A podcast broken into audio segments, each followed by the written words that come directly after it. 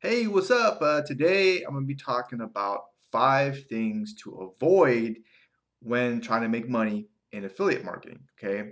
Now, this is based off of my own experience. I've been involved in affiliate marketing for going on 10 years. Okay. I've made a lot of mistakes. So you could agree, you could disagree. If there's something you want to add, though, leave a comment, share your experience as well.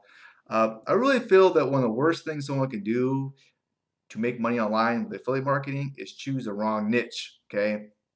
Uh, this is why the make money online niche is still a great one to get involved with if you're not sure because you're going to be learning on how to make money online. That's what you want to do, right? And then you can kind of share what you're learning with other people. You're interested in it. It keeps you keeps you interested and motivated. It's a, it's a cool little niche to get started with. And sure, it's very popular, but hey, there's still a ton of money to be made in that niche. Okay. Uh, what you don't want to do is obviously if you're not interested in making money, then don't choose choose it. Okay, choose something else like makeup. If I was in the makeup niche, like makeup, I would I would hate my life. I wouldn't want to talk about. It. I wouldn't want to talk about products involved with it, or you know, I wouldn't want nothing to do with it. So choose a good niche. It'll keep you interested, keep it fun, exciting, and I think I think that's the number one tip um, to help you with your affiliate marketing business. Okay, now the second biggest biggest mistake um, is having too much pride to ask for help. Okay, this was me when I first got started too. I was like, ah, I can figure it out all on my own, and I was doing so much of the wrong stuff, spinning my tires, chasing my tails, and yeah, it's just it's not good. Okay, uh, it's good to get help.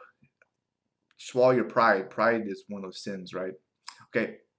Now on the flip side, always learning and not taking action is not good either, okay? Constantly learning, learning, learning, and not doing anything with what you've learned, that's also not good too. So there's a flip, there's like a 50 50 balance there. You got to learn, but you also got to implement what you learned as well. And I think that's, that's pretty big.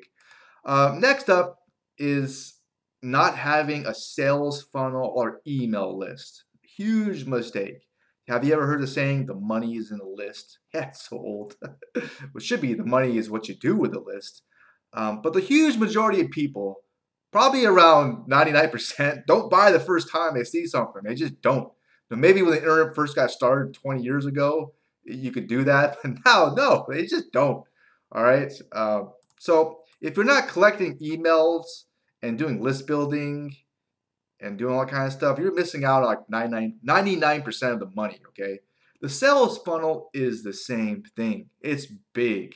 And Russell Brunson, he created that whole company called ClickFunnels or whatever, but he actually wrote a book about this called Internet Marketing Secrets. It's a really good book, actually, uh, where there's low end products up front, and then there's a sales funnel, and towards the end, there's high ticket items. Both are kind of needed, okay?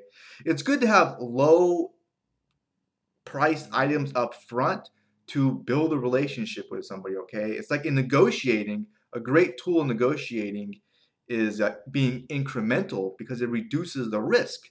Think about this in dating. If I just met a girl and she's like, yeah, let's get married, I'm like, I don't know you.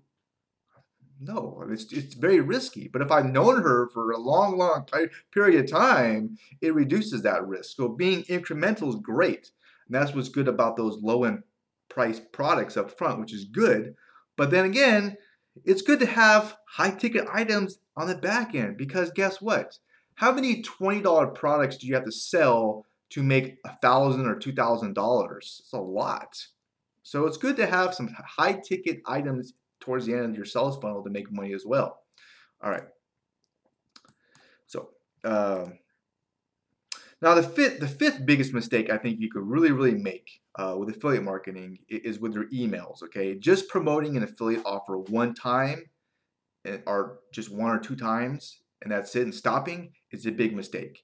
Just like trying to promote like tons of products all at once is a bad thing as well. Um, it's best to really promote one offer uh, many different ways for about a week. Okay, so in the beginning, you'll get you'll see you, usually you'll see you can see some sales, okay, uh, but then it drops off. And what some affiliate marketers do, they go, oh well, it's not working anymore. Maybe I should change things up, or oh maybe I'll just switch products. No, no, keep promoting the same damn thing, and usually sales will pick up back up again. Why? Well, some people just have to look at something 20 or 30 times before they buy it. they, got, just on the fence. They're just thinking about it. It's just the way it is. Okay, it is.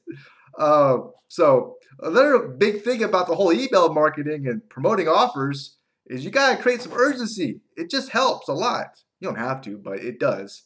And there's way, there's many different ways to create urgency to get somebody off that fence and pull the trigger and take advantage of what you're offering.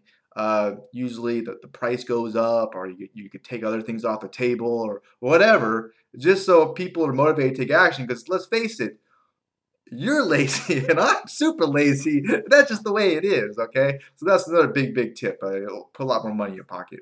So, what do you think about these five tips on the, the well, some of the biggest things to avoid in affiliate marketing? Do you agree, disagree? Leave a comment what is there i'm sure there's a whole lot more things you can mess up with with affiliate marketing. Share in the comments below.